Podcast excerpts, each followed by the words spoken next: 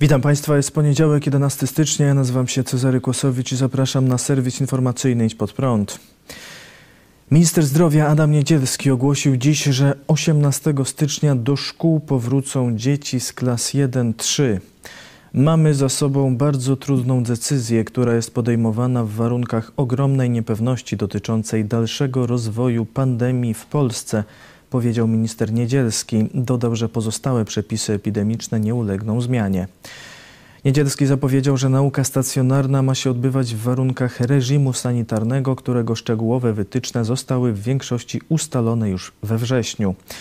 Nauczycielom i pracownikom szkół będzie przysługiwała możliwość przeprowadzenia przesiewowych testów na koronawirusa. Testy mają być dobrowolne i bezpłatne. Minister Niedzielski stwierdził, że rząd polski zdaje sobie sprawę z pogarszającej się sytuacji epidemicznej w Europie. Widzimy pewnego rodzaju przyspieszenie pandemii, co wiąże się z nowymi mutacjami koronawirusa. Mamy do czynienia z sytuacją, kiedy wszędzie w Europie widzimy narastającą trzecią falę. Musimy ważyć z jednej strony ryzyko pandemiczne, a z drugiej koszty tego, że najmłodsze dzieci nie chodzą do szkoły. Szkody z nieprzebywania uczniów z klas 1-3 w grupie rówieśniczej nie równoważą w naszej ocenie ryzyka pandemii, powiedział szef resortu zdrowia. Na początku listopada, kiedy rząd zamykał całkowicie szkoły, liczby śmierci z powodu koronawirusa były mniejsze niż w ostatnich tygodniach. Raportowane liczby zakażeń były ponad dwa razy większe. W szpitalach przebywało wtedy ponad 18 tysięcy osób zakażonych koronawirusem. Obecnie hospitalizowanych jest 16 600 osób. Dziś Ministerstwo Zdrowia podało też, że wczoraj z powodu chińskiego koronawirusa zmarło 75 osób w sobotę 177. Łączna liczba zgonów spowodowanych pandemią koronawirusa przekroczyła 31 tysięcy. W ciągu ostatniej doby potwierdzono ponad 4600 nowych zakażeń. Od kilku dni rośnie liczba łóżek szpitalnych zajętych przez osoby zakażone koronawirusem oraz respiratorów wykorzystywanych do ich leczenia. W szpitalach przebywa ponad 16 600 covidowych pacjentów. Wykorzystuje się ponad 1600 respiratorów. Przeciw koronawirusowi zaszczepiło się do tej pory 203 tysiące osób. Czystka w mediach społecznościowych. Po zamieszkach w Kongresie Stanów Zjednoczonych wielkie firmy technologiczne uderzyły nie tylko w prezydenta USA, ale też w jego zwolenników. Konta prezydenta Trumpa lub z nim powiązane zostały zablokowane w wielu serwisach społecznościowych, m.in. na Twitterze, Facebooku, Instagramie, Snapchacie i Twitchu. Ponadto Reddit zablokował grupę dyskusyjną dotyczącą prezydenta USA, a Pinterest i TikTok ograniczają działanie hashtagów używanych przez zwolenników Trumpa, takich jak Stop the Steal. Wiele osób w związku z narastającą cenzurą w największych serwisach społecznościowych zakładała konta w mniej restrykcyjnych portalach, takich jak Parler. Ta droga jednak została zablokowana przez wielkie korporacje. Apple i Google Play usunęły aplikację Parler ze swoich platform internetowych. Z kolei Amazon wymówił Parlerowi korzystanie z serwerów, dając serwisowi 24 godziny na znalezienie innego usługodawcy. Od dziś Parler nie może korzystać z Amazon Web Service i przestał działać. Założyciel Parlera zapewnił, że prowadzi rozmowy z innymi dostawcami usług sieciowych, ale powrót do działania zajmie przynajmniej tydzień. Prezydent Donald Trump ogłosił na oficjalnym profilu prezydenckim na Twitterze, że przyjrzy się możliwościom zbudowania nowej platformy społecznościowej. Tweet prezydenta został usunięty. Ataki szykowane są też wobec mediów tradycyjnych, uznawanych za powiązane z prawicą. Dziennikarz Fox News Tucker Carlson powiedział na antenie, w piątek rano CNN ogłosiło, że pracuje nad usunięciem kanału Fox News z anten i wyeliminowaniem tej firmy z rynku.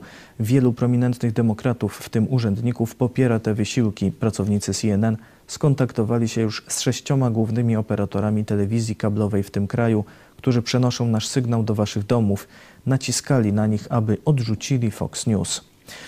Z kolei dziennikarz popularnego magazynu ekonomicznego Forbes stwierdził, że uzna każdą z firm, która zatrudni rzeczników prasowych Trumpa, za kłamliwą. Zatrudnij któregokolwiek z bajkopisarzy Trumpa, a Forbes założy, że wszystko, o czym mówi Twoja firma lub firmy, jest kłamstwem, napisał redaktor magazynu Randall Lane. Były szef CIA z czasów Obamy, John Brennan, wezwał na Twitterze do skruchy wszystkich, którzy wspierali Trumpa. Każdy, kto teraz chce narodowego odkupienia, twierdząc, że nie wspiera już Trumpa, musi przyznać, jak złe było ignorowanie i dopuszczenie jego zepsutego, nieszczerego i dzielącego programu. Całkowite odrzucenie dziedzictwa despoty jest konieczne, by wykorzenić całą pozostałą złość. Każdy polityk, urzędnik, dziennikarz, prezenter, który ignorował i zezwalał na kłamstwa i zepsucie Trumpa, ponosi odpowiedzialność za szkody, jakie poczynił. Oszczędźcie nam wymówek, oblaliście egzamin z obywatelstwa. Teraz możecie próbować się odkupić, napisał Brennan. Co w tej sytuacji mogą zrobić konserwatyści? Pastor Paweł Chojecki. Jest teraz tylko jedyna droga, ta, o której powiedziałem w tym orędziu do e, chrześcijan, przede wszystkim amerykańskich, a, ale nie tylko. Teraz wszyscy ludzie, którzy rozumieją wolność, szczególnie przez pryzmat Jezusa Chrystusa i Jego słowa, powinni się skupić na budowaniu silnych kościołów chrześcijańskich. To, jak mówiłem dwa miesiące temu, to będzie, jest ostatnia kohorta naszej cywilizacji, czyli ostatnia linia obrony. Oczywiście tutaj ci lewacy, którzy będą sobie mordy wycierać wolnością i różnym tam demokracją i tak dalej, będą się wahali z, za, za, z zaatakowaniem Kościoła jako cały, całego kościoła w świecie, nie? Bo, bo to by pokazało, że są terrorystami, a nie dyktatorami, a nie żadnymi tam, wiecie, demokratami, wolnościowcami. Czyli oni będą na razie Kościół obchodzić bokiem. Nie zostanie całkowicie, że tak powiem, zmarginalizowany. Zwolenników Trumpa, wszystkich takich, którzy będą teraz w jakiś sposób radykalne, jakieś tam o powstaniach, o secesjach mówić, ich szybko wyłapią w dobie mediów społecznościowych. To jest parę kliknięć i już e, jedzie FBI do da danego gościa. Dzisiaj tą ostatnią redutą są kościoły chrześcijańskie. Prawdziwe, biblijne kościoły chrześcijańskie. W Polsce to, to ich jest jak na lekarstwo ale w Stanach Zjednoczonych to jeszcze, dlatego ten apel był głównie do chrześcijan amerykańskich, to jest czas na odnowę Kościoła. To jest czas na odrzucenie takiego światowego życia, głupoty Kubusia Puchatka, że tu zawsze będzie dobry świat, tu my tacy tralalala, do wszystkich się będziemy miło uśmiechać, wszyscy nas będą kochać. Nie. Ta wizja już upadła. To już widzicie, że nie działa. Kościół zawsze był znakiem sprzeciwu. Kobieta, która obrzuciła kościół jajkami, stanie przed sądem. Prokuratura Okręgowa w Poznaniu poinformowała o skierowaniu do sądu aktu oskarżenia w sprawie kobiety, która w październiku obrzuciła jajkami budynek katolickiego kościoła. Pani Zofia N., wicedyrektor Poznańskiej Galerii Miejskiej Arsenał, w październiku rzuciła jajkami w drzwi kościoła podwyższenia Krzyża Świętego. Nagranie swojego czynu opublikowała w internecie. Zofii N. przedstawiono zarzut obrazy uczuć religijnych innych osób poprzez publiczne znieważenie miejsca przeznaczonego do publicznego wykonywania obrzędów religijnych. Jak sama tłumaczyła, to nie była obraza jakichś konkretnych osób, ale wyraz mojego gniewu, buntu, mojego niezrozumienia dla tego, co się dzieje w Polsce, dla pseudoorzeczenia pseudotrybunału. To była część demonstracji organizowanych przez strajk kobiet. Był to wyraz mojego nieposłuszeństwa obywatelskiego. Tu chodziło o mnie, o prawa kobiet, nie o jakichś panów patriarchów. Szybkie i stanowcze działania prokuratury w tej sprawie kontrastują z jej bezczynnością w sprawach dotyczących Kościoła Nowego Przymierza w Lublinie. Brak działań prokuratury wobec prześladowań protestantów została tak opisana w raporcie pod tytułem Dyskryminowanie i prześladowanie ewangelicznych chrześcijan w Polsce. Bierność prokuratury i policji w przypadku ataków fizycznych wobec pastorów, członków i sympatyków Kościoła Nowego Przymierza w Lublinie dotyczy to spalenia samochodu, zniszczenia lakieru samochodu, kilkukrotnego odkręcania śrub w kołach samochodu, przebijania dentek, oblania fekaliami budynku będącego własnością Kościoła Nowego Przymierza w Lublinie. Bierność ta polega również na uporczywym lekceważeniu gruźb karalnych kierowanych pod adresem członków Kościoła. Wszelkie śledztwa i dochodzenia prowadzone przez prokuraturę lub policję dotyczące działań wymierzonych w Kościół Nowego Przymierza w Lublinie w, sparach, w sprawach o kierowanie gruźb karalnych, w tym grożenie śmiercią, gwałtem i tym podobne, antysemityzm i kierowanie gruźb karalnych pod adresem Żydów z telewizji Idź Pod Prąd, uporczywe nękanie inwigilacją i donosami, rozklejanie obelżywych plakatów nawołujących do dyskryminacji wobec osób publicznych zaangażowanych w działalność Kościoła są umarzane – nawet pomimo wykrycia sprawców przestępstw, którzy chwalą się tymi czynami w internecie. Bierność prokuratury oraz policji powoduje poczucie bezkarności i zachęca do eskalacji przestępczych działań wobec chrześcijan. Pastor Paweł Chojecki zwrócił dziś uwagę, że o tej sprawie media polskie nie informowały. W którym medium polskim przeczytaliście o dyskryminacji e, Kościoła Nowego Przymierza w Lublinie, o e, niszczeniu samochodów, o podpalaniu samochodów naszych członków? Gdzieście to słyszeli? Zobaczcie, gdyby to się działo w, w dowolnej innej aranżacji, czyli gdyby to ksiądz katolicki, kościół katolicki został oblany fekaliami, e, czy jakiś tam, nie wiem, przedstawiciel mniejszości żydowskiej by był poddany, to by było przecież zgiełk na wszystkie media biblijnych protestantów można było bezkarnie w Polsce prześladować. Także organy państwa nas prześladują. I nikt nie mówi ani słowa. Już ponad milion dziewięćset czterdzieści tysięcy osób zmarło z powodu chińskiego koronawirusa na całym świecie. Rządy wprowadzają kolejne środki mające ograniczyć rozprzestrzenianie epidemii. W organizacji życia podczas epidemii nie radzą sobie Niemcy. Polsat News donosi, że bałagan związany z przepisami w poszczególnych landach jest gigantyczny. Każdy z nich ma różne przepisy dotyczące wpuszczania pracowników dojazdowych. W całych Niemczech w poniedziałek miały wejść w życie jednolite nowe przepisy, jednak kolejne landy nie nadążają z analizowaniem dokumentów z Berlina. Czechy w walce z pandemią starają się jak najszybciej przeprowadzić szczepienia przeciw koronawirusowi, dlatego proszą o pomoc Izrael. Prezydent Czech Miloš Zeman w niedzielę poinformował, że wysłał list do prezydenta Izraela Reuvena Rivlina z prośbą o pomoc w organizacji szczepień. List podobnej treści wysłał także premier Czech Andrzej Babisz do Benjamina Netanyahu, premiera Izraela. Zeman zaznaczył, że liczy na pomoc izraelskich ekspertów w szybkim wyszczepieniu jak największej liczby Czechów. W Izraelu zaszczepiono już prawie 20% ludności. W Portugalii pod pretekstem pogarszającej się sytuacji epidemicznej władze przyjęły ustawę wprowadzającą obowiązkowe wywłaszczenie. Według nowej ustawy nie będzie możliwe sprzeciwienie się procesowi wywłaszczenia, jeśli będzie on związany z odbudową gospodarki po kryzysie pandemicznym. Osoba pozbawiana nieruchomości będzie miała prawo do odszkodowania.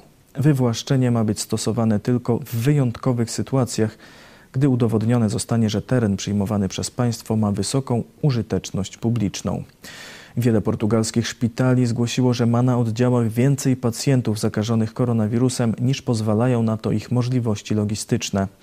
Pedro Branco, dyrektor Centralnego Szpitala Lizbony, powiedział, że placówki zamierzają pracować aż do skutku. Zaznaczył jednak, już teraz improwizujemy. W innych szpitalach jest podobnie. Placówkom tym nie doskwiera jednak tylko presja epidemiczna z zewnątrz, ale również pojawiające się na oddziałach ogniska infekcji. João Gouveia, szef portugalskiej organizacji internistów, powiedział dziś, że sytuacja jest bliska katastrofie. Komunistyczne Chiny chcą stworzyć w Polsce globalną aukcję skór. Związek Polskiego Przemysłu Futrzarskiego informuje, że planuje we współpracy z Chinami utworzyć globalną aukcję skór. Inwestycja może być warta nawet 80 milionów euro. W komunikacie wydanym przez Związek czytamy, że utworzenie aukcji będzie miało na celu m.in. umożliwienie Polsce i Chinom handlu bezpośredniego. Prezes związku poinformował, że w czwartek odbył się w tej sprawie, odbył w tej sprawie rozmowę z ambasadorem Chin w Polsce Liu Guangyuanem. Ambasador miał wtedy powiedzieć, że Chiny są największym importerem naturalnych skór. Z Polski do komunistycznych Chin sprowadzane są rocznie skóry o łącznej wartości ponad 100 milionów dolarów. Stworzenie przez oboje partnerów polsko-chińskiego domu aukcyjnego o charakterze globalnym jest działaniem inwestycyjnie pożądanym, stwierdził Związek Polskiego Przemysłu Futrzarskiego. Największe amerykańskie media są przejmowane przez komunistyczne Chiny. Magazyn The New American opisuje wpływy chińskich komunistów w USA.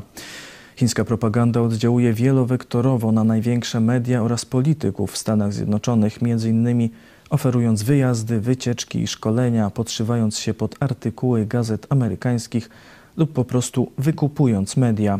Według dokumentów uzyskanych przez portal National Pulse, wspierana przez Pekin organizacja China United States Exchange Foundation zaprasza kluczowe amerykańskie osobistości medialne i dziennikarzy na wykwintne przyjęcia oraz na wycieczki do komunistycznych Chin. Organizacja jest powiązana ze Zjednoczonym Frontem Pracy Komunistycznej Partii Chin. Według raportu rządowej Komisji Amerykańskiej Zjednoczony Front służy chińskim komunistom do neutralizowania źródeł potencjalnego sprzeciwu wobec polityki i autorytetu rządzącej komunistycznej partii Chin. Reżim miał za jego pośrednictwem przekazywać miliony dolarów czołowym mediom w USA. Wśród opisywanych mediów są CNN, New York Times, Fox News, Washington Post, Bloomberg, MSNBC oraz wiele największych czasopism w Stanach Zjednoczonych. Według rządowych ekspertów strategia Zjednoczonego Frontu wykorzystuje szereg metod wpływania na zagraniczne społeczności chińskie, zagraniczne rządy i inne podmioty w celu podjęcia działań lub zajęcia stanowisk wspierających preferowaną politykę Pekinu. Jak podaje The New American, dzięki finansowaniu z China United States Exchange Foundation, kolejnym kluczowym podmiotem zaangażowanym w pozyskiwanie dziennikarzy jest BLJ Worldwide, który zajmuje się lobbyingiem i doradztwem w zakresie komunikacji.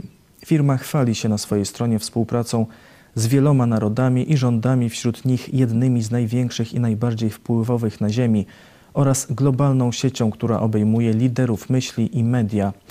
BLJ miał wspierać propagandę chińską m.in. przez wysyłanie dziennikarzy i studentów dziennikarstwa z Ameryki do Chin, aby pozytywnie spojrzeli na osiągnięcia chińskie. Innym elementem działań było stworzenie kampanii mającej wpłynąć na polityków, naukowców i ekspertów oraz opinię publiczną na temat działań Chin w Tybecie. W tym zawierała się analiza tego, jak czołowe amerykańskie podręczniki do liceów przedstawiały Tybet i Chiny. Jak donosi The New American, Chińczycy organizują loty do Chin także czołowych amerykańskich polityków, w tym kongresmenów, senatorów, gubernatorów czy burmistrzów. Raporty tworzone przez tych polityków podczas ich podróży były następnie rozprowadzane do innych liderów politycznych i osób opiniotwórczych. Ponadto chiński państwowy dziennik China Daily wydał podczas kadencji Trumpa prawie 20 milionów dolarów na reklamy w największych mediach amerykańskich, takich jak New York Times, Wall Street Journal czy Washington Post. Według raportu Instytutu Gatestone strategia chińskiej propagandy polega na kupowaniu dużych reklam w tych gazetach w postaci wkładek o tytule China Watch.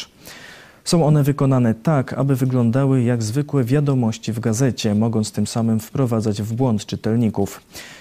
Chiński reżim działał też na rynku stacji radiowych. Według raportu Pentagonu Chińczycy wykupywali amerykańskie stacje radiowe, wykorzystując spółki zależne do ukrywania własności. To wszystko w tym wydaniu serwisu. Dziękuję Państwu za uwagę. Kolejny serwis jutro o 19:00. Do zobaczenia.